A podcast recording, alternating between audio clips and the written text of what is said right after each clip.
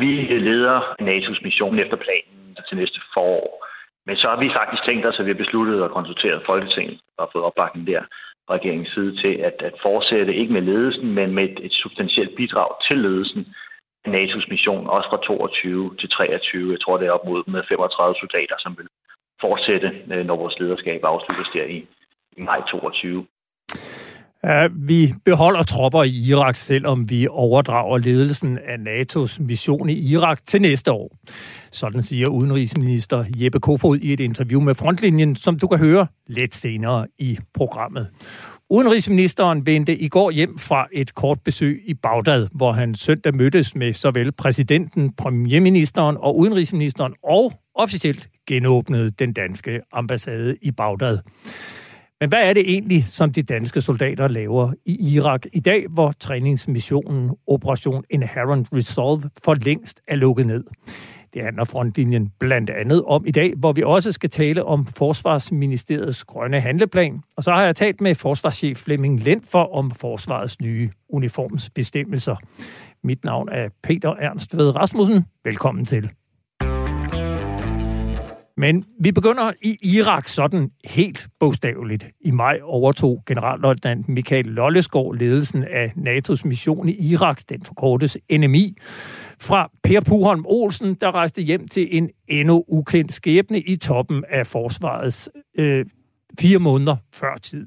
Og hvad er det så egentlig, han står i spidsen for, Michael Lollesgaard? Min kollega Miriam Legaard Jacobsen ringede til Bagdad. Michael Lollesgaard. Hej Michael, det er Miriam fra Radio 4 Frontlinjen. Dag. Okay, goddag. Jeg tænkte egentlig på, øh, Michael, fordi du er jo i Irak lige nu. Kunne du ikke øh, sådan lige beskrive for mig, hvor du er, hvad kan du se og, og sådan?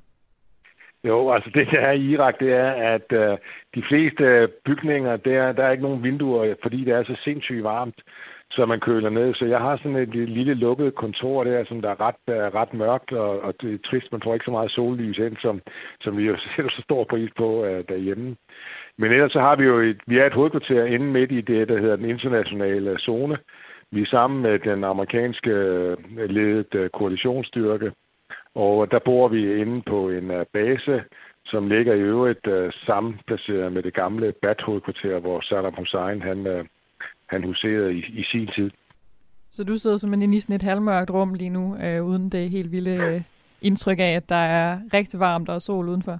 Kunne du ikke kort fortælle, hvad er det egentlig, situationen er i Irak lige nu?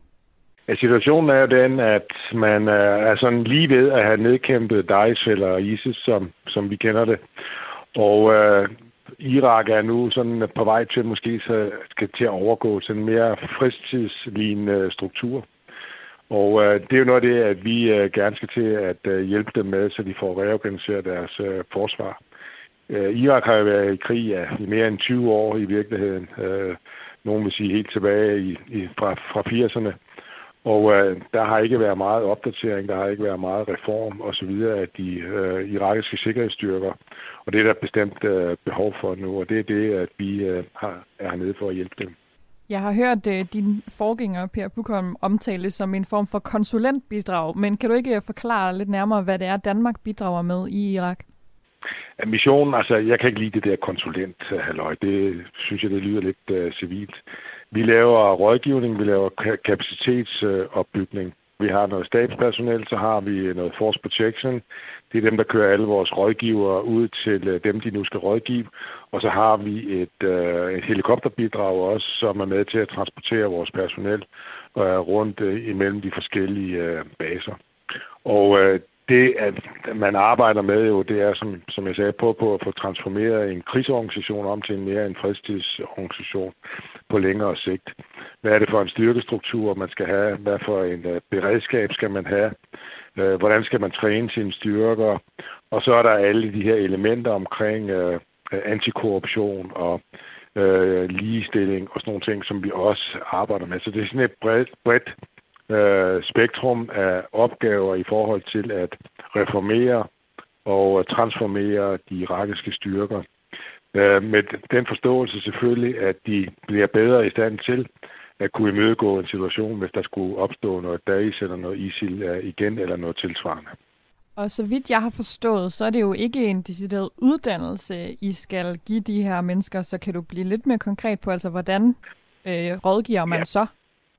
Ja, altså i øjeblikket, for eksempel, så vi har jo et, et vist et, antal op, øh, hvad hedder det, opgaver og fokuspunkter. I øjeblikket kan man sige, der er et af punkterne, det er policy og strategy. Så det vi kigger på i øjeblikket, det er, at man får lavet en national militær strategi, som skal måne ud i, hvad er det så for en størrelse forsvar, der er behov for til alle de opgaver, som man nu får defineret. Hvor stort skal forsvaret være? Hvad er det for en type styrker, der skal være? Og hvordan kan man det, man kalder self-sustained, altså hvordan kan irakerne hvile i sig selv, når den her udenlandske tilstedeværelse formentlig over nogle år forsvinder, så det ikke længere har støtte fra amerikanere, blandt andet til at købe deres materialer til at træne. Så vi prøver på at oprette nogle strukturer, der gør, at de øh, kan klare sig selv, og i virkeligheden øh, selv er ansvarlige for øh, opstilling og gennemførelse af operationer. Så nu er du jo sådan rimelig nyligt ankommet øh, til missionen. Så her i maj måned overtog du altså fra din forgænger, Per Pukholm. Øh, ganske kort, hvorfor øh, skulle du lige pludselig indtræde før tid? Det var fordi, at uh, NATO uh, lavede en, uh, en, hedder en transitionsplan, uh, hvor man ligesom skulle uh, skifte lidt uh, retning uh, med uh, missionen. Og derfor så synes man fra Napolis side, at det var måske hensigtsmæssigt, at man skiftede lidt tidligere sådan at jeg kunne øh, sidde øh, implementere den her transitionsplan, og jeg så kunne sidde et øh, års tid og få den implementeret. Så det gav, det gav god mening med det. Hvordan har det så været at altså blive kastet ud i det?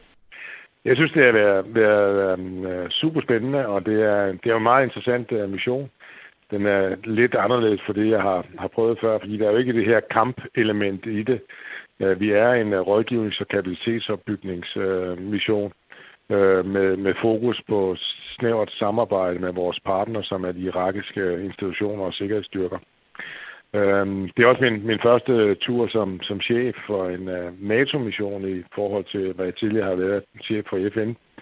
Og hvis man skal sige noget, så altså byråkratiet er altså ikke mindre i NATO, men til gengæld så er vi måske sådan øh, øh, lidt bedre organiseret i forhold til at have en fælles, øh, et fælles sprog og en fælles doktrin øh, og en fælles måde at agere på i forhold til øh, vores kommunikation osv. Så, videre. så det gør det lidt nemmere at arbejde i NATO-regi, end det gør i FN. Du nævnte det jo faktisk også tidligere, øh, da jeg nævnte det ordet konsulent, øh, altså at der også er nogle civile elementer i det her. Øh, altså, og også nu, hvor du siger, at der ikke er decideret kamp. Hvordan er det at stå i spidsen for en militær operation, hvor der jo egentlig også er nogle mere civile elementer? Ja, altså det er, jeg synes, det fungerer rigtig godt. Vi har i øjeblikket, tror jeg, måske 25 øh, civile og specialister, som er nede i, øh, i vores rådgivningselement. Der er ikke nogen, øh, nogen problemer i det, og vi er, de er alle velintegreret i det militære. Så nogle af de militære har nogle særlige militære kompetencer, og så har vi øh, civile kompetencer inden for uddannelsesområdet, for women, peace øh, and security, inden for, for antikorruption osv., hvor, hvor, hvor de bliver brugt øh, også. Så jeg, jeg ser sådan set ikke uh, forskellen på, om man er i uniform eller man er civil. Man er en integreret del af den uh, rådgivningspakke, som vi nu tilbyder vores, uh, tilbyder vores irakiske partnere, og det virker rigtig fint. Og så synes jeg egentlig også, det kunne være sjovt at høre lidt om det her felt, som du jo lige pludselig opererer i, altså hvor der din øverste chef vel sidder i Bruxelles, og hvor du også er overordnet for nogle amerikanere og sådan noget. Kan du sætte lidt ord på det der øh, ja, felt, du lige pludselig arbejder i nu i en NATO-mission? Jamen, altså det fungerer jo rigtig godt. Altså som jeg sagde før, vi har sådan en rigtig god øh, en, en kommando- og kontrolstruktur, så, hvor det er klart, hvor man refererer hen øh, til. Det kan godt være, at min aller, aller øverste chef sidder i Bruxelles, men min nærmeste chef, han sidder i øh, Napoli, en øh, amerikansk admiral, og det er ham, jeg refererer til i det daglige, og det er også det, vores hovedkvarter refererer til. Og så har vi en række samarbejdspartnere hernede, hvor vi prøver på at, at, at koordinere vores indsats. Øh, selvfølgelig er der min amerikanske kollega sidder lige over på den anden side af, af, af gaden her i, i lejren. General Calvert, som er, er chef for uh, Operation Inherent Resolve, altså som er er den øh, koalitionen, der kæmper primært øh, uh, DICE. Vi arbejder sammen i forhold til at dekonflikte, hvad vi laver. Vi arbejder sammen med EU-missionen, blandt andet inden for antikorruption. Vi arbejder sammen med, øh, med FN, vi arbejder sammen med, særligt i forhold til det, der hedder SSR, altså sikkerhedsreformer. Så vi har et rigtig bredt øh, samarbejdsforum, og hertil øh, samarbejder vi jo med en række af NATO-ambassaderne, øh, fordi der er jo også bilaterale programmer. Der er mange nationer, der er rigtig interesserede i at støtte Irak, og derfor er der også bilaterale programmer. Og det koordinerer vi øh, så også sammen med. For eksempel øh, har britterne et meget øh, tæt samarbejde med det, der hedder Military øh, College, som er deres øh, kan man sige, officerskole. Øh, og øh, der har vi så sammen med dem i de seneste uger kørt sådan et lærerkursus om, hvordan man skal undervise osv. Og der er det så en, en koordination af NATO-indsats og så et bilateralt øh, program også, hvor britterne sender instruktører ned, og det fungerer rigtig godt. Og der prøver vi at koordinere alle de bilaterale programmer, så vi i virkeligheden ikke kommer til at overlappe hinanden, og derved spilder vores øh, skatteyders øh, penge ved at lave dobbeltarbejde. Så vi ser sådan som midten i det der store, øh, hvad hedder det, æderkoppespænd, og prøver på at, at også være koordinerende for de, de ting. Så det er super spændende. Der er rigtig mange samarbejdspartnere, og der er mange berøringsflader, og øh, nu kommer du jo alt andet lige fra et ret lille land i forhold til nogle af de samarbejdspartnere, som du sidder sammen med. Hvad er sådan øh, reaktionen, eller øh, ja, hvad kan man sige fra de andre dernede, blandt andet amerikanerne, på, at det er en dansker, der sidder øh, i din stol? det, det tror jeg. Altså, de måler på, hvad man kan, og hvad man har lavet, og øh, så videre. Jeg er sådan, har været, været forholdsvis meget ude til. Jeg er blevet rigtig vel, vel modtaget og har haft sådan lidt øh, street credit fra, fra starten, og der har jeg været meget heldig øh, heldig med. Men i øvrigt så er det jo super godt at komme fra et lille land i sådan en situation her, fordi vi har ikke, kan man sige, øh, sådan udpræget nationale dagsordner, som vi kan, vi kan, vi kan prøve på at, at, at fremme. Øh, vi, vi bliver set som sådan en neutral spiller med well intent i forhold til at støtte dem. Så derfor så kan det godt være en fordel at komme fra et øh, mindre land, uh, i det, at vi bliver mere set som sådan en honest uh, broker der, altså, som, som uh, har en, en, som sagt, uh, noble intentions uh, i, i den måde, at vi agerer på. Så vil jeg gerne lige vende med dig. Altså, vi talte jo med udenrigsministeren, som blandt andet siger det her med, at øh, når det ligesom er færdigt med at være en dansk ledet mission næste forår, så vil man stadig gerne forlænge med øh, dansk øh, bidrag af tropper øh, indtil 2023. Øh, hvor længe er det meningen, du skal blive? Altså, jeg er med på, at din din plads i chefstolen udløber øh, i løbet af næste forår, men, men er det meningen, du skal fortsætte derefter med at være til stede i Irak? Nej, det skal jeg ikke. Så skal jeg pensioneres, stort set. Øh, nej, så har jeg, så tror jeg, jeg har nogle måneder tilbage, inden uh, så rammer jeg pensionsalderen, og så, så skal jeg til at lave noget, uh, så skal jeg til at lave noget andet. Jeg ved ikke, hvad det skal være, men uh, men øh, jeg skal i hvert fald øh, pensioneres for det danske øh, forsvar. Og så selvom du ikke skal fortsætte med at være der, så skal der jo så fortsat være et dansk bidrag, i hvert fald frem til 2023. Er der noget at sige om det fra din stol? Altså, øh, er det godt, at Danmark fortsætter med at være der? Jeg synes, det er helt naturligt. Altså, nu har vi jo haft chefposten her, men det er jo det er en, fortsat en vigtig mission for NATO, og Danmark har jo haft som tradition at være en god, stærk bidragyder til øh, de her NATO-missioner og andre internationale operationer. Så derfor vil en øh, fortsat øh, tilstedeværelse med dansk bidrag, det vil give rigtig god mening. Og jo, kan man sige, fortsætte den gode trend, vi har været med altid at være med ude der, hvor, hvor det sker. Ja, således altså generalløjtnant Michael Lollesgaard, som i maj overtog jobbet som chef for NATO's mission i Irak efter Per Puholm Olsen. Når vi taler om Irak i dag, så skyldes det naturligvis, at udenrigsminister Jeppe Kofod natten til mandag vendte hjem fra et kort besøg i Irak. Vi vil gerne have haft udenrigsministeren i studiet, og vi tilbød sågar at møde ham i lufthavnen. Men coronaen hærger stadig over hele kloden, og derfor kørte han direkte fra lufthavnen til sit hjem. Af samme årsag måtte vi nøjes med en telefonforbindelse til Jeppe Kofod.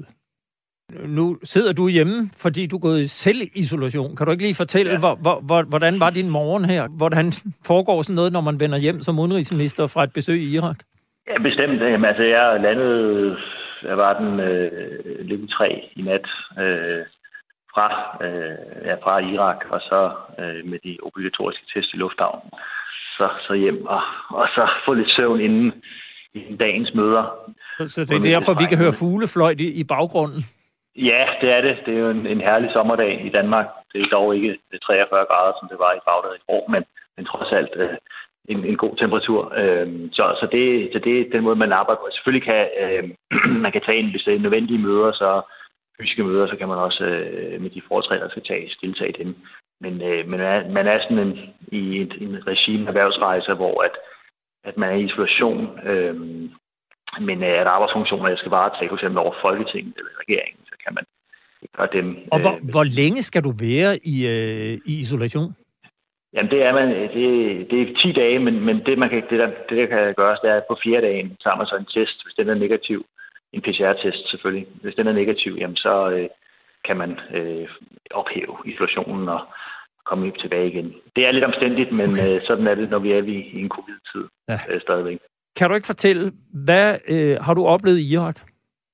Ja, altså, jeg var nede øh, for øh, dels at genåbne vores ambassade i Bagdad, øh, møde de danske soldater og, og ledelsen af NATO's mission i Irak, som Danmark var ledelsen af øh, i øjeblikket. Øh, og så havde jeg møder med øh, præsidenten i Irak, øh, premierministeren og, og udenrigsministeren øh, for at styrke dialogen øh, med den irakiske regering.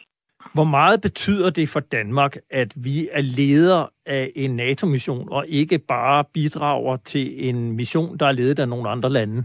At det giver Danmark en øh, dels en unik synlighed, øh, både i forhold til de andre NATO-lande. Altså vi løfter i den grad vores øh, ansvar som, som NATO-land. Øh, vi kæmper en kamp for vores sikkerhed, øh, vores værdier, øh, langt fra vores grænser, men, men øh, noget, der kan tro os. Altså man må erindre, at islamisk stat var en kæmpe trussel, kan blive en kæmpe trussel igen, hvis ikke man holder dem nede. De havde på et tidspunkt et areal, der var, jeg tror, det svarer til Storbritannien, øh, og kunne have kapacitet til at slå til med terrorangreb, både i regionen i, og også i, i Vesten, øh, og det skal vi undgå, at de kommer tilbage til. Så vi løfter en opgave med ledelsen af NATO's mission øh, på vej af hele alliancen, som, som der i den grad bliver bemærket. Øh, og vi gør altså også noget, som i den grad er i vores egen interesse i beskyttelsen øh, af Danmark mod, mod terror.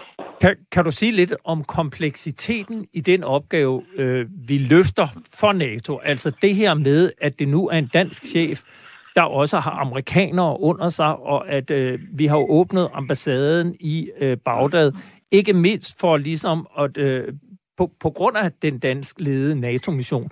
Hvad, hvor, hvor kompleks er den her opgave, Danmark står i spidsen for? Jamen, det er, en, øh, det er en kompleks opgave, for det handler jo både om militær indsats. Altså det, vi gør på det militære spor, det er jo at kapacitetsopbygge, rådgive øh, Iraks egne sikkerhedsstyrker, sikkerhedsapparat, øh, forsvarsministerium osv., sådan så de er, har styrke nok til at kunne håndtere sikkerheden i eget land, og dermed også undgå, at islamisk stat kommer tilbage som en, en trussel. Øh, men men øh, det er ikke nok med et militært spor. Vi har også et, et stærkt civilt spor, diplomatisk spor. Vi bidrager til stabilisering i Irak. Kan du så ikke fortælle, hvad siger irakerne selv? Hvad fortæller de dig om situationen i Irak, og for den tages skyld også i regionen? Man kan sige, at på den ene side, så, så øhm, er der nogle positive øh, udviklinger øh, i regionen, også i Irak selv. På den anden side står øh, udfordringerne stadig tilbage som monumentale. Øh, jeg nævnte i forhold til Iraks enhed før, men det handler jo også om den større dynamik i regionen, altså øh, Iran, øh, man renser op til, og deres trussel mod fred og sikkerhed. Nu er der jo kommet en ny amerikansk regering, og øh, præsident Biden, og måske særligt udenrigsminister Blinken og hans folk, har jo genindledt forhandlinger med Iran om at genindtræde i øh, atomaftalen, som øh, Trump mm. trak USA ud af. Det er jo sådan nogle forhandlinger, der foregår meget, øh, ikke hemmelige, men vi hører ikke meget om dem. Hvor, hvor meget betyder det, at der, øh, hvor meget betyder det regionalt, at der nu er en, øh, i hvert fald forsonende toner mellem USA og Iran? Øh, jamen, det betyder øh, rigtig meget for, for det, at, altså som en byggesten til øh, mere tillidsskabende foranstaltninger mellem de forskellige øh, regionale magter, altså mellem sunni-domineret og så shia-domineret, ikke mindst Iran. Øh, så det vil være rigtig vigtigt, også for at undgå en øh, atomar oprustning i hele regionen og efter og de medfølgende konflikter. Så, så det vil være rigtig vigtigt at få atomaftalen, altså ACPOA, på plads igen. Øhm, det, er, det er en svær opgave, øh, det er rigtigt, der, der er jo forhandlinger, men der er også valg i Iran lige om lidt, øh, som øh, nok først skal øh, gennemføres og overstås, før at at der for alvor sker, sker gennembrud, øh, kan man i hvert fald frygte. Så, så der er stadigvæk nogle skridt øh, på vejen, øh, og, og man ved i den region, der skal ikke meget til, før det går den anden vej med hastige skridt, altså at spændingerne øges, og, og der kan være direkte åben konflikt i nogle forskellige sammenhænge. Så, så det er rigtig vigtigt, at vi har øjet på bolden, men det er godt, at USA er tilbage. Ja, således altså Jeppe Kofod om situationen i Irak og Mellemøsten. Men når man nu har Danmarks udenrigsminister i røret, er det naturligt også at vende blikket lidt mere ud mod verden. Jeg spurgte ham derfor også om nogle af de øvrige udenrigs- og sikkerhedspolitiske emner, som har været på dagsordenen den seneste tid. Helt aktuelt har du jo også været meget engageret i et andet udenrigspolitisk område, nemlig Arktis.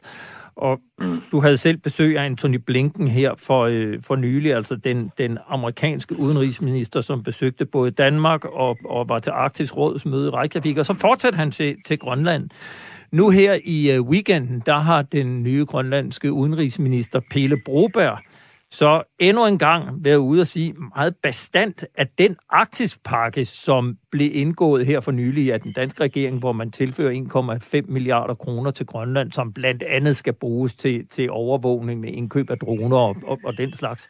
Det er han, øh, eller det er grønlænderne slet ikke interesseret i. Hvor bekymret er du for de toner, du hører fra Grønland, og man kan sige for grønlændernes agitation og, og de udtalelser, som en som, som de kommer med blandt andet gennem Pilo Broberg? Altså, jeg, jeg synes, jeg har et fint og godt samarbejde. Øhm, det er kendt, at der er forskellige holdninger til, til forskellige områder. Sådan er det jo. Øh, men øh, vi skal også starte et rigsmøde, der glæder jeg mig til at, at drøfte nogle af de her problemstillinger videre. Det, der er fundamentalt for os, det er, at vi lever i en tid, hvor vi øh, i hele NATO-alliancen, i, i vores transatlantiske alliance mellem Kongeriget, Danmark og USA, øh, skal være med til at, at beskytte vores interesser. Det gælder både i Nordatlanten og i Arktis. Øh. Men, men direkte bekymret hører jeg dig ikke være? Nej, altså det, jeg, synes, vi har som sagt et godt samarbejde. Og, og øh, jeg har ikke mere studeret de udtalelser, som Pelle Broberg er kommet med. Øh, men, øh, men, men jeg synes, det, der er vigtigt for mig, det er, at altså, den juridiske ordning er, som den er. Altså uden sikkerhedspolitikken er, er noget, som ligger øh, hos den danske regering, men, øh, men gør det i et ligeværdigt, tæt, øh, tillidsfuldt øh, samarbejde. Så vi skal, vi skal, øh, vi, jeg glæder mig til sammen med den grønlandske regering og øh, kigge på de udfordringer, vi står i, og, og finde nogle gode svar på dem i fællesskab. Man, man kunne spørge, øh, hele det her arktiske område, det, det fylder jo mere og mere øh, internationalt, i hvert fald både USA, Rusland, Grønland. Hvor meget, øh, hvor meget fokus øh, yderligere er der rettet fra Udenrigsministeriet på hele det her område? Altså jeg gætter på, det er, det er noget, I øh, er begyndt at bruge noget mere tid på, end man har gjort før i tiden. Altså, jeg har, siden jeg trådte til, har jeg i hvert fald lagt et, også personligt en stor vægt på at styrke øh, vores samarbejde i rigsfællesskabet på udenrigs- og sikkerhedspolitikken. Øh, det, øh, det, det, det, det er klart en mål for, for den danske regering at, at sikre det her. Det, der er en, øh, en ny geopolitisk situation, der er nogle spændinger og nogle udfordringer sikkerhedspolitisk, som vi skal forholde os til, og det gør vi stærkest i, i fællesskab. Øh, og det synes jeg egentlig også er blevet meget vel modtaget, både i Grønland og på Færøerne. Hvis man så lige øh, vender tilbage mod, mod syd, øh, og nærmere betegnet øh, Mali, så blev det jo besluttet her i den forgangne uge, at øh, Folketinget har besluttet at, at sende et specialoperationsstyrkebidrag til Mali næste år. Mm. Øh, det, det skete umiddelbart efter, at der havde været, jeg lige vil sige, endnu et kup i Mali. Et, et, et, et kup, som bare kom ni måneder efter det forrige kup. Hvilke overvejelser gør du og regeringen jer om at sende danske tropper øh, ned til et land, hvor der har foregået et militærkup?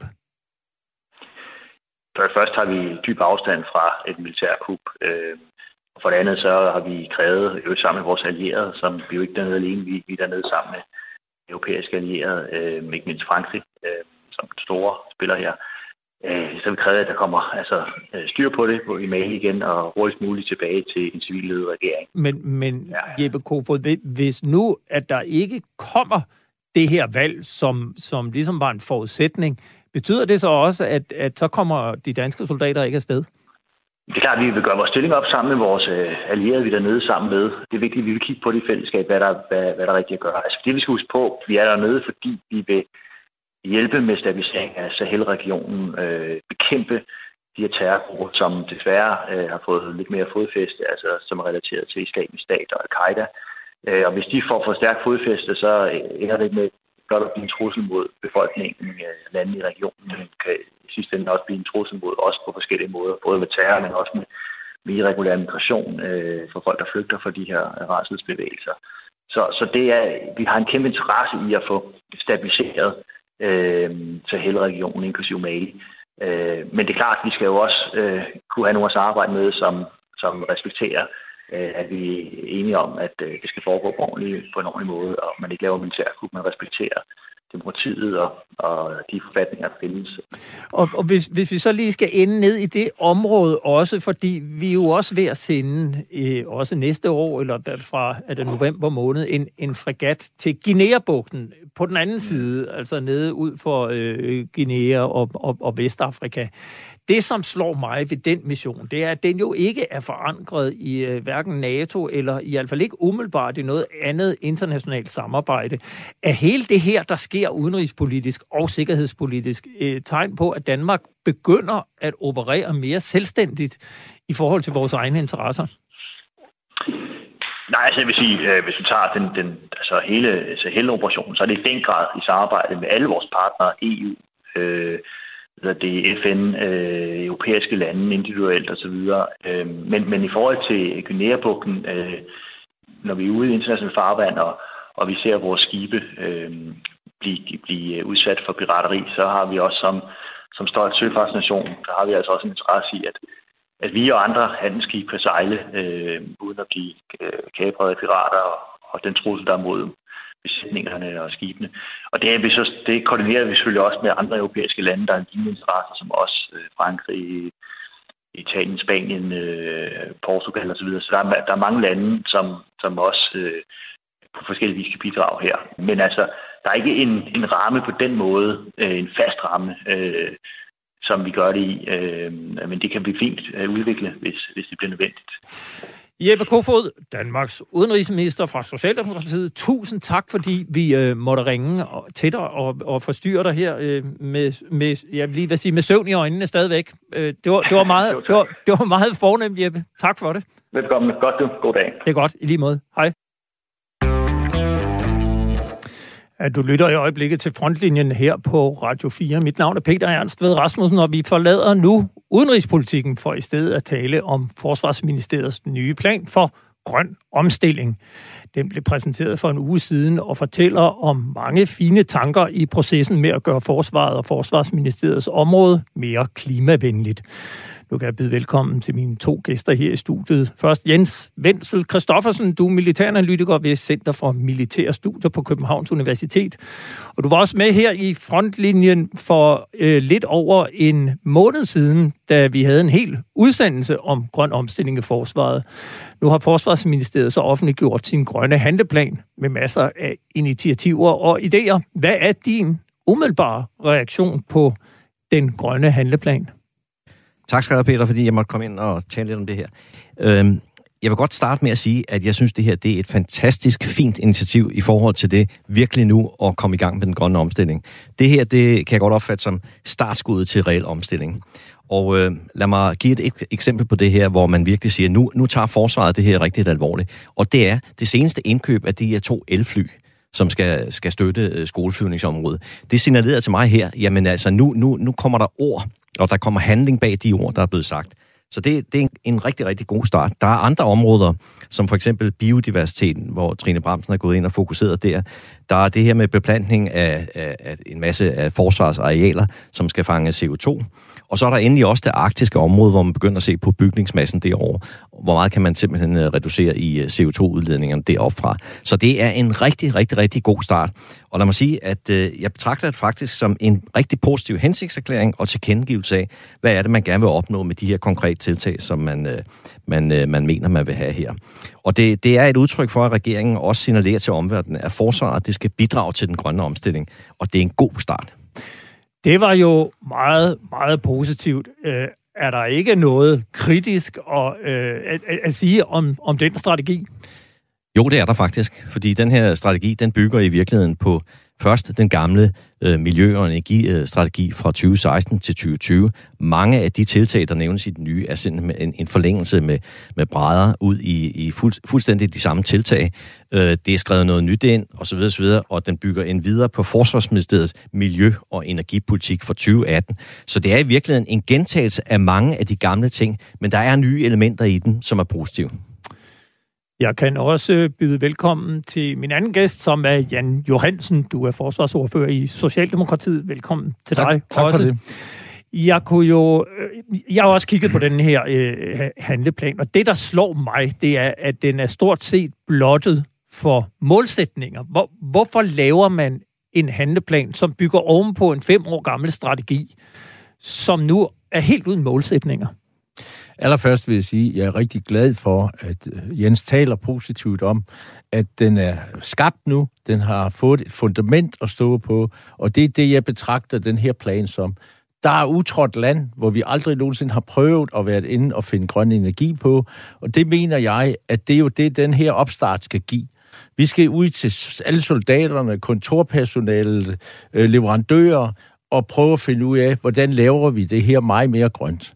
Og jeg er jo glad for, at man har lavet en, en samarbejdsaftale med industrien, fordi de kan være med til at, at gøre, at vi får meget større grønne øh, initiativer, der bliver lavet øh, på, den, på den gode måde, og samtidig så kan det skabe arbejdspladser på lang sigt, hvor vi kan lære andre lande, øh, for eksempel Amerika, som er et stort land, men jeg tror faktisk, vi er bedre til at øh, få det flettet ud og foldet ud, øh, fordi vi er i gang med at sige, at vi vil gøre verden mere grøn. Og der er det netop landets næste største øh, offentlige arbejdsplads. Det skal de være med til. Så vi skal ud og brede den ud overalt, og alle de idéer, der kommer, dem skal vi tage.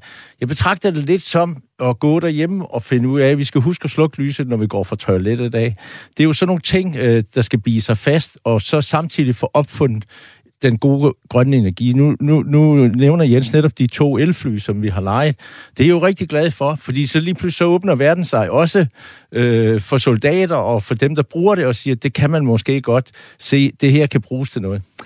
Men med al respekt, øh, Jan Johansen, så øh, alt det, du siger, det var jo det samme, man sagde i 2016. Nu laver vi en strategi. Nu skal vi tænke grønt. Nu skal vi gøre det ene og det andet på, på den, den grønne omstilling. Og her, fem år senere, så laver man nu en handleplan, hvor igen, der er ikke en eneste målsætning. Der er ikke en eneste, eneste sted, hvor der står, i 2023 skal vi sådan, sådan, sådan. Hvor, hvor, hvordan kan du være tilfreds med det? Fordi jeg føler mig ret overbevist om, du ville have sagt præcis det samme, du lige har sagt, hvis jeg havde stillet dig de samme spørgsmål for fem år siden. Ja, det har du selvfølgelig fuldstændig ret i. Men jeg mener så, at Danmark er kommet meget længere, og ved, at vi skal ud og lave den grønne energi, lave de grønne arbejdspladser. Og det er der, hvor jeg stoler mere på nu, at det fundament, som bliver skabt nu, det skal vi nok få bygget ovenpå. For vi er jo i gang i hele Danmark med at finde ud af, hvordan reducerer vi det med 70 procent. Øh, altså, nogle af de eksempler, som de har nævnt, øh, nævnt bare at fragte en liter benzin til Afghanistan, det koster 12 liter. Altså, vi skal tænke anderledes. Og det tror jeg, vi sætter i gang med den her. Og det håber jeg på, at hele den offentlige arbejdsplads, som, som, som er stor øh, i forsvaret, at den hjælper til med det her, og får det helt ned i fodhøjde, så alle er med til at komme med de gode idéer. Jens Vendsel, øh, jeg kan jo stille det samme spørgsmål til dig. Altså en handleplan, som bygger oven på den her strategi, som er blottet for målsætninger. Hvordan kan det være en øh, fremragende, handle, eller en, en, en fremragende plan? Altså, den er sådan set fremragende på, på alle de initiativrige områder, som den tager her. Det, jeg savner her for at være lidt mere konkret, end, end Jan var, men for at følge i meget af det, Jans øh, fodspor, så han siger, er, er fuldstændig rigtigt, det er, at partnerskabet med industrien er jo fantastisk vigtigt. Men forsvaret, de udleder altså 254.000 tons CO2 om året. Og der savner jeg i den her plan, at man ved alle de konkrete tiltag var gået ind og sagt, vi skal med det her tiltag opnå en CO2-reduktion i 2022, 23, 24, hvad det værste, eller den går til 25. Så der vil vi have ligesom, øh, fået opnået de her besparelser i CO2. Og så kunne man jo også øh, tænke den øh, kætteriske tanke og sige, at jamen, kunne man så ikke lave nogle yderligere mekanismer, der sagde for eksempel, vi afrapporterer årligt over for forligskredsen og sige, hvor, hvor langt har vi egentlig nået i CO2-reduktionerne? Ja, Jan Johansen. Jamen, jeg kan godt tilslutte mig øh, det, øh, som Jens siger, fordi jeg er ikke i tvivl om, det her vil jo også gøre et krav på for os politikere at sige, nu har vi lavet planen, vi har lavet fundamentet, hvordan får vi bygget ovenpå? Hvor meget bygger vi ovenpå næste år? Hvor meget bygger vi ovenpå næste år? Det er jeg slet ikke i tvivl om. Det er jo også det, den danner grund for, at politikerne skal interessere sig for, at folkene uomkring egentlig går in, med stor interesse ind i det her og får bygget øh, den grønne øh, platform op. Øh, man kan sige, at øh, hele handleplanen her, den giver også lidt af svaret selv på, hvorfor den ikke opstiller nogle konkrete mål, og det er, at det må ikke gå ud over det operative område. Altså, det kan ikke øh, nytte, at vi siger, at vi skal spare x antal procent på brændstof, hvis der pludselig er en ny krig, og vi skal have kampvogne og fly og alt muligt indsat. Fair nok, men hvis vi ser på Forsvarsministeriets område, så øh, udgør brændstof til henholdsvis skib, fly, kampvogne, køretøjer, jo 75 procent af det, vi udleder, hvor de resterende 25 procent øh, kommer fra resten, man kan sige bygningsmasser og alt det her. Jens Wenzel, jeg ved, da, da du var i studiet sidst, der talte jo blandt andet om bilparken. Altså Forsvarsministeriets område har en af de største bilparker på det offentlige område overhovedet. Hvorfor går man ikke ind og laver målsætninger for eksempelvis den ikke-operative kørsel i forsvaret? Jamen, det skal man da naturligvis også gøre. Gå ind og få udskiftet de her 2.114 øh, dieseldrevne biler, og få købt nogle elbiler her, og så øh, mål det op, og så sige, hvor meget reducerer det her så rent faktisk i CO2-udslip ved at gøre det. Men lad mig nævne et andet område. Det er for eksempel solparkerne. Solparkcellerne i, i, i, øh, hvad hedder det, i forsvaret udgør cirka 3% af forsvarets energiforsyning. Jamen lad os da gå ind der og være langt mere aktive, og så gå ind og sige, jamen vi etablerer simpelthen nogle, nogle nye øh, solcelleparker, som kan levere den øh, energi og strøm, øh, som vi har behov for. Jan nævnte selv, at det koster 12 liter at få fragtet noget brændstof op, øh, øh, hvor det nu er henne i verden. Ikke? Lad os tage for eksempel øh, Grønnedal, den gamle base, vi har deroppe. Der bliver flå, øh, fløjet diesel... På Grønland. På Grønland, ja. Der bliver fløjet di- diesel op der øh, hver eneste år til at drive alt den her. Jamen lad os da etablere en solcellepark deroppe, og lad den blive drevet af sol. Det var et af, bare et af de her ting, som, som man kunne tænke over at gøre. Så øh, jeg synes, det er, det, det er stadigvæk en god start, men lad os nu komme ud over rampen. Hvorfor, Jan Johansen, er man ikke mere ambitiøs, når man sætter sig ned og laver sådan en plan her? Altså, og, og, og som Jens Wenzel fortalte tidligere, altså genbruger så meget af det, der står fuldstændig ordret fra den strategi, man havde i 2016. Jamen, det er fordi, det er ubetrådt land, vi er kommet ind på, men nu har vi betrådt det, og nu skal vi øh, derude af. Og jeg er helt sikker på, som Jens siger, alle de gode idéer, som, som, som, som kommer ud, også blandt øh, hvad det her, soldaterne, øh, personalet, øh, leverandørerne, det vil vi suge til os, og det vil, det vil den offentlige arbejdsplads suge til sig øh, forsvarssuge til sig. Fordi jeg tror, når de først kommer i gang, så kan de godt se det fornuftige i det. Der er jo også alle bygningerne, der står rundt omkring. Altså, der er mange ting, man kan gå hen og pege på. Hvorfor har vi ikke gjort det noget før? Ja, hvorfor har vi ikke gjort det noget før? Hvorfor er vi rigtig først kommet i gang med at skal spare 70 procent? Fordi vi har sat os et mål, og vi kan gøre det, hvis vi vil. Det kan vi se her i covid-19-tiden. Vi har tæmme covid-19 i Danmark, når vi vil det, og det kan vi også med energien, og det kan vi med det grønne, også inden for de offentlige arbejdspladser og inden for forsvaret. Jens Wenzel, du øh, har jo nævnt en række områder, hvor man kunne gøre mere. Hvis, hvis nu du sad inde i Forsvarsministeriet og, og skulle rådgive dem til, hvor man rent faktisk kunne lave nogle konkrete målepunkter. Der nævnte du, øh, du nævnte her øh, bilparken, altså udskifte alle dieselbiler til elbiler. Hvad kunne du ellers komme op med af idéer, som kunne hjælpe forsvarsministeren øh, på vejen til at konkretisere nogle af alle de her planer og analyser, hun nu vil iværksætte? Ja, altså man kunne for eksempel tage de der 6.000 bygninger, som forsvaret råder mm. over. Det vil være et område, hvor det vil være helt naturligt at gå ind og se på, jamen hvor meget el bruger vi der, hvor meget varme bruger vi der. Det er jo bare et eksempel her. Øh, men jeg vil godt også lige sige en ting, og det er øh, i forhold til de klimaforandringer, som vi kommer til at se. Der synes jeg, at den her plan, den savner også det, man vil kalde en klimastrategi. Hvordan imødegår forsvaret de kommende klimaforandringer, der kommer her. Så udover at vi nu er kommet godt i gang, hvilket planen er et udtryk for, den skal have nogle, der skal nogle konkrete mål på, hvor meget sparer vi på alle CO2-områderne, så savner jeg også en klimastrategi, som decideret siger, jamen hvordan forbereder vi forsvaret på at gå ind og simpelthen øh, sige, der kommer nogle klimaforandringer, hvordan kan vi forberede forsvaret til at imødegå det her. Og det kan jo gøres sammen med Beredskabsstyrelsen, politi osv., som vi i øvrigt samarbejder rigtig godt med i forvejen. Lad os, lad os se, se på det, og lad os se på en klimastrategi for forsvaret også. Når man nu øh, læser ned igennem øh, den grønne handleplan her, så, så er der jo syv fokusområder. Og hvis jeg bare lige nævner nogle af dem, altså så ønsker Forsvarsministeriet, at man laver en total økonomisk model for bygningsmassen. Altså man skal udarbejde en model, der skal gøre det muligt at udføre total økonomiske beregninger for nybyggeri. Et andet punkt hedder model for plan for bygningsrenovering. Så skal der laves en model. Nummer tre hedder udfasning af olie- og gasfyr. Der står ikke noget om, at olie- og gasfyr skal være udfaset på et bestemt tidspunkt. Nej, der skal udarbejdes en plan for, udarbejde, eller for udfasning af Forsvarsministeriets olie- og gasfyr. På samme måde, så vil man operativt gøre det muligt løbende at overgå til udelukkende at anvende LED-lys i bygninger. Der står ikke noget om, hvornår. Der står ikke med hvilket tempo, hvor meget det skal være. Man vil lave mere energirigtige bygninger i Arktis. Man vil lave vedvarende energi. Man i gang sætter en analyse.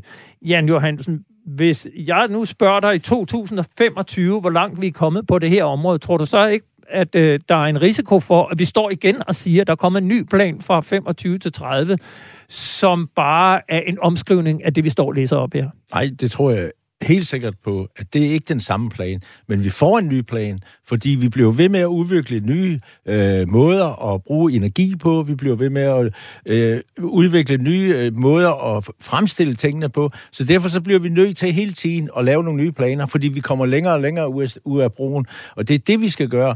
Og, og men det er jo fuld... hvad skal der ske? Hvad, hvad vil du som folketingspolitiker gå til din egen minister fra dit eget parti, Trine Bramsen, og sige, at hun skal sætte ind overfor med det, du står i hånden med her? Jamen, jeg synes jo, at der ligger en god plan på at starte på at sige, jamen for eksempel, nu er der otte punkter, ikke syv, men otte punkter, der er ridset op.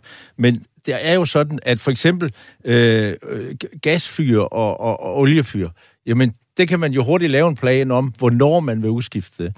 For der er overhovedet ingen tvivl om, vedvarende energi, det skal vi gå ind og satse på. Og de parker, som, som, som Jens også nævnte, det synes jeg er jo en fantastisk idé. Øh, vi skal bare også i den danske befolkning se, at vi kommer til at se noget mere vedvarende energi i vindmøller og solceller og alt sådan noget der. Og selvom det er for nogle mennesker en gang imellem et grimt syn, synes de, så hver gang jeg ser en vindmølle, så glæder jeg mig, for så ved jeg, det er vedvarende energi. Bliver det en del af de kommende forhandlinger om et nyt forsvarsforlig? Der er ingen tvivl om, at jeg tror ikke engang, der ventes på at prøve at få lavet en plan på, hvordan vi kommer videre øh, med det fundament, der er bygget nu. Det er jeg slet ikke i tvivl om. Jens Wenzel, hvad, hvad er din opfordring til øh, det kommende forsvarsforlig? Altså nu begynder forhandlingerne jo formentlig her i slutningen af året. Hvor, hvor meget kommer det her til at fylde? Jeg tror, det kommer til at fylde rigtig meget, og det gør jeg, fordi ikke nok med, den her plan nævner jo også nedsættelsen af en styregruppe, som man har sat, og undergrupper her, og de er nødt til at gå ind og så sige, godt, det her, det skal vi prioritere i de kommende forsvarsforlisforhandlinger, og det håber jeg meget, at øh, alle de politiske partier vil bakke om, fordi så får vi flyttet forsvaret reelt og, og hvor meget kan vi, kan vi flytte forsvaret? Jeg tror, at det største potentiale ligger jo i princippet på de 75 procent fossil øh, brændstoffer, men der er de resterende 18-25 procent, som du talte om før, som er de lavt hængende frugter. Det store arbejde, det kommer på at få reduceret vores fossil øh, forbrug og reduktionerne der. Og hvor meget kommer det til at være en del af forhandlingerne, Jan Johansen? Jamen, jeg har det fuldstændig ligesom Jens. Jeg er slet ikke i tvivl om, at det kommer til at fylde i partierne, for alle er jo enige om, at vi skal reducere med 70 procent. Og vi er en stor virksomhed, der bruger ret meget. Så derfor så er jeg slet ikke i tvivl om, det skal nok komme med. Det er der ingen tvivl om. Så øh, vil jeg sige øh, tak til jer, fordi I kom ind her. Jan Johansen, øh, forsvarsordfører for Socialdemokratiet, og Jens Wenzel Christoffersen fra Københavns Universitet, øh, Center for Militære Studier. Jeg er sikker på, at vi kommer til at vende tilbage til det her, og lurer mig om ikke, at I begge to får lov at være gæster her i programmet en anden god gang. Måske nok, når vi kommer lidt tættere på et øh, nyt forsvarsforlig. Tak. Tak. Du lytter i øjeblikket til frontlinjen her på Radio 4. Mit navn er Peter Ernst ved Rasmussen, og her til slut skal vi lige runde en historie om nye uniformsbestemmelser. Det kan lyde tørt, men er måske i virkeligheden det stik modsatte. I forbindelse med forårets demonstrationer mod coronarestriktioner i København, Odense og Aalborg optrådte nogle af demonstranterne under navnet Men in Black iført militære uniformer. De ytrede sig temmelig bombastisk om regeringens diktatoriske magtanvendelse og kontrol, og den borgerkrig, som de mener, at Danmark befinder sig i, og de agiterede for militærets ret til intervention. Demonstranterne bar nogle spraglede uniformer lige fra forsvarets M84 til den nye multiterrænsløring, og de optrådte med en noget amatøragtig eksercits. En enkelt demonstrant iført multiterrænsløring bar sågar frømandskorpsets karakteristiske bøllehat, og han viste sig også at være netop en frømand i reserven. I forbindelse med sagerne viste det sig, at forsvaret slet ikke havde nedfældet retningslinjer for, hvorvidt man må optræde i uniform til demonstrationer. Og det har forsvarschef Flemming Lent for nu sat en stopper for. Jeg cyklede i går ind til Forsvarskommandoen på Holmens kanal for at tale med forsvarschefen, og jeg spurgte ham, hvorfor det set fra hans stol har været nødvendigt at se på uniformsbestemmelserne her i 2021. Det har det, fordi der har været en række situationer, som vi synes, øh, vi har kigget på her, om, om vi virkelig lå rigtigt i forhold til vores øh, uniformsbestemmelser. Vi har selvfølgelig også kigget ned i, hvor ensartet er vores uniformsbestemmelser inden for Forsvarskommandoens myndighedsområde. Der har man nok kunne se, at, at, at de aktuelle situationer, som der har været, har givet os anledning til lige at kigge, kigge på det en ekstra gang.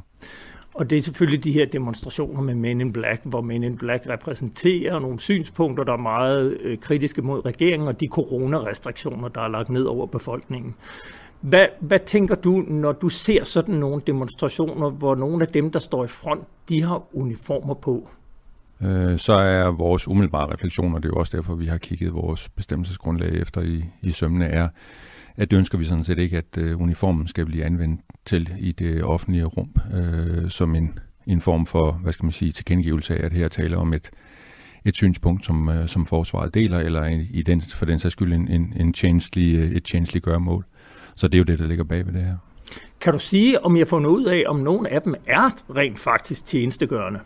Eller er der tale om civile eller reservister, eller hvad, hvad er der tale om? Altså jeg tror, det er en, øh, det er en blanding. Øh, og, og vores sondring, øh, og dermed også interesse for det her, er, om der er et aktivt ansættelsesforhold med forsvaret. Om det er så en fuldtidsansat eller en reservist, i hvert fald en, som, som indgår i vores øh, skal vi sige, bemanding. Øh, så er det klart, så, så, så, så vil vi vælge at have en mening om det.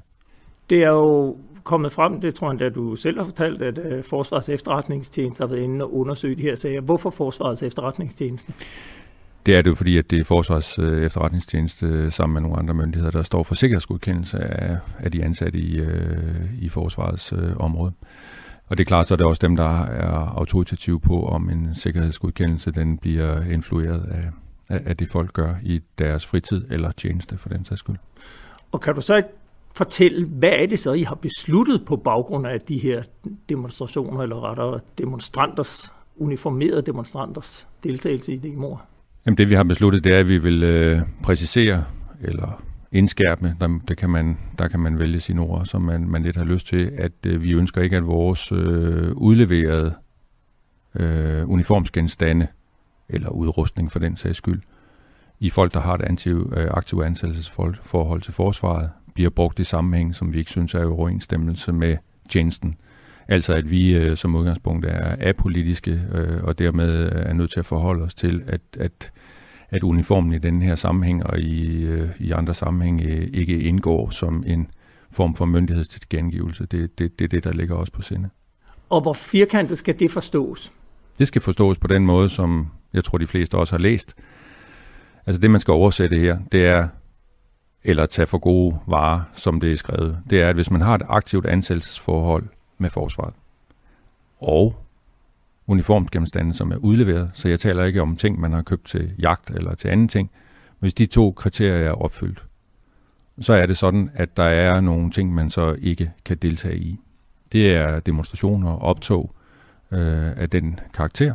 Og så er det også, og det er der ikke så mange, der har spurgt ind til, den tredje pind, hvor der står, at man heller ikke lønnet eller ulønnet kan indgå i et, øh, et forhold til en anden arbejdsgiver end os.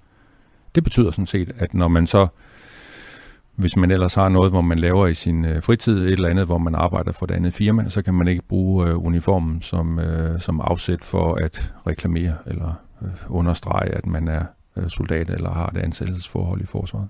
Jeg tror, jeg fik det læst sådan, at, at uniformen er til tjeneste. Altså, man skal ikke bruge den i det civile, men, men hvad betyder det? Må man ikke rejse i uniform til og fra arbejde? Jo, det betyder lige præcis det, og det er derfor, vi har lavet en liste, der, der præciserer det, man i særlige tilfælde ikke må, uden at have tjenestetilladelse til at gøre det. Så alt andet er jo så her ses tilladt, og det betyder selvfølgelig, at når man skal til og fra sit tjenestested, eller hvad det nu er, så må man selvfølgelig godt bære sin uniform. Kan du lige uddybe den tredje pind, du nævnte med, at man ikke må have lønnet arbejde og Eller så optræde ulønnet, i ulønnet uniform? arbejde for en anden arbejdsgiver, hvor man så øh, bruger uniformen til det formål. Okay, så, så man må godt have et arbejde ved siden af. Man skal Ja, bare ja, huske ja. at lægge sin, sin uniform, når man... Ja, ja, og det her, altså man selvfølgelig må man have et andet arbejde, øh, eller et øh, sekundært arbejde, eller for den sags skyld et primært arbejde, det må man jo selv om, hvordan man opfatter det. Selvfølgelig må man det, det har bare ikke noget med, noget med uniformen at gøre. Der har været sådan en ret livlig debat på, øh, på Facebook og i, i det offentlige rum omkring det her med uniformerne. Selvfølgelig afspundet af den her Men in Black, eller de her forskellige Men in Black demonstrationer. Så er der jo nogen, der siger, jamen øh, forsvaret skal jo så heller ikke deltage i eksempelvis Pride-paraden, som forsvaret har deltaget i de sidste mange år. Hvor står forsvaret der? Er der ændret på det? Det er der som udgangspunkt ikke. Altså, jeg er uden godt klar over, at når vi har nu, øh, skal vi sige, præciseret indskærpet de her regler, så påtager vi os også som arbejdsgiver et ansvar for at vurdere de her ting. Og de vurderinger falder så ud til en beslutning, til den ene eller til den anden side, og det vil selvfølgelig også give anledning til noget debat. Det er jeg fuldstændig klar over. Øh, det havde vi egentlig også regnet med, at øh, præcis de to skal vi sige, tilfælde, som du nævner, ville blive stillet over for hinanden. Og der må jeg sige, at, øh, at tingene er, som, øh, som de er. Øh, det er en vurdering, vi har foretaget. For så vidt angår Pride, så er det jo en øh, tilkendegivelse af, at den diversitet og mangfoldighed, vi også gerne vil have i vores medarbejderkreds, som vi gerne vil have, skal afspejle, hvad der i øvrigt er i øh, samfundet. At den tilkendegivelse har vi så valgt at deltage i som en, en, øh, en mulighed for tjenestlige ansatte at anvende deres uniform for at signalere, at øh, det også gælder forsvarets øh, område, ligesom Folketinget og andre tilkendegiver den øh, diversitet, som, øh, som, som befolkningen nu engang øh, består af. Det valg har vi så truffet, øh, og det valg står vi selvfølgelig øh, på mål for.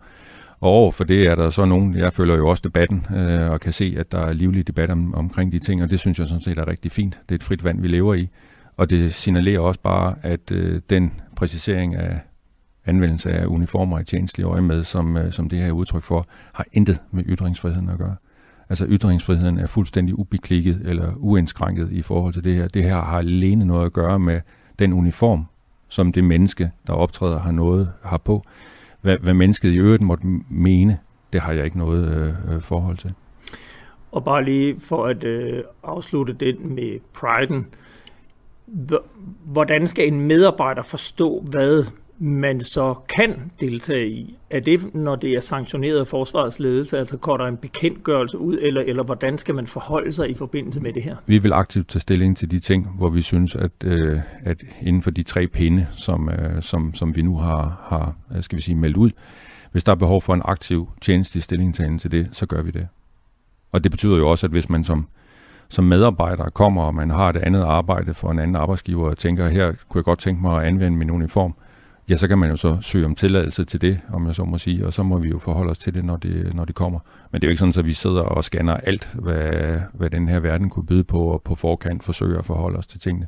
Så det bliver jo sådan en, en, en konkret vurdering fra, fra tilfælde til tilfælde. Jeg siger tusind tak. Velbekomme. Ja, altså således forsvarschef Flemming Lind, for vi skrev også om den historie i fredags på Olfi, da forsvarschefen meldte det ud. Og øh, efter mit besøg og efter vores omtale af artiklen eller af, af historien her om uniformer, så modtog jeg en mail fra en af Olfis læsere. Han skrev, citat, Jeg forstår ikke det med uniformer i fritiden. Jeg er fra 1954 og var igennem både værnepligt og sergeantuddannelsen i Sønderborg. Der var der ikke tilladt at bevæge sig i andet end eget tøj eller i udgangsuniform. Yderligere blev det indskærpet, at uniformen kun måtte anvendes under transport mellem bopæl og tjenestestedet, citat slut. Man kan sige, at måske kan episoderne få politikerne til at genindføre en udgangsuniform for forsvarets personel. Det må tiden vise. Du har lyttet til Frontlinjen. Programmet blev lavet i samarbejde med journalist Miriam Legård Jacobsen. Har du rigs, ros eller gode idéer til emner, vi bør tage op, så kan du kontakte os på frontlinjen radio4.dk. Husk også, at du kan lytte til alle tidligere programmer som podcast i din podcastplayer eller ved at besøge radio4.dk-frontlinjen. Vi er tilbage på næste tirsdag kl. 11.05 på Glædeligt Genhør.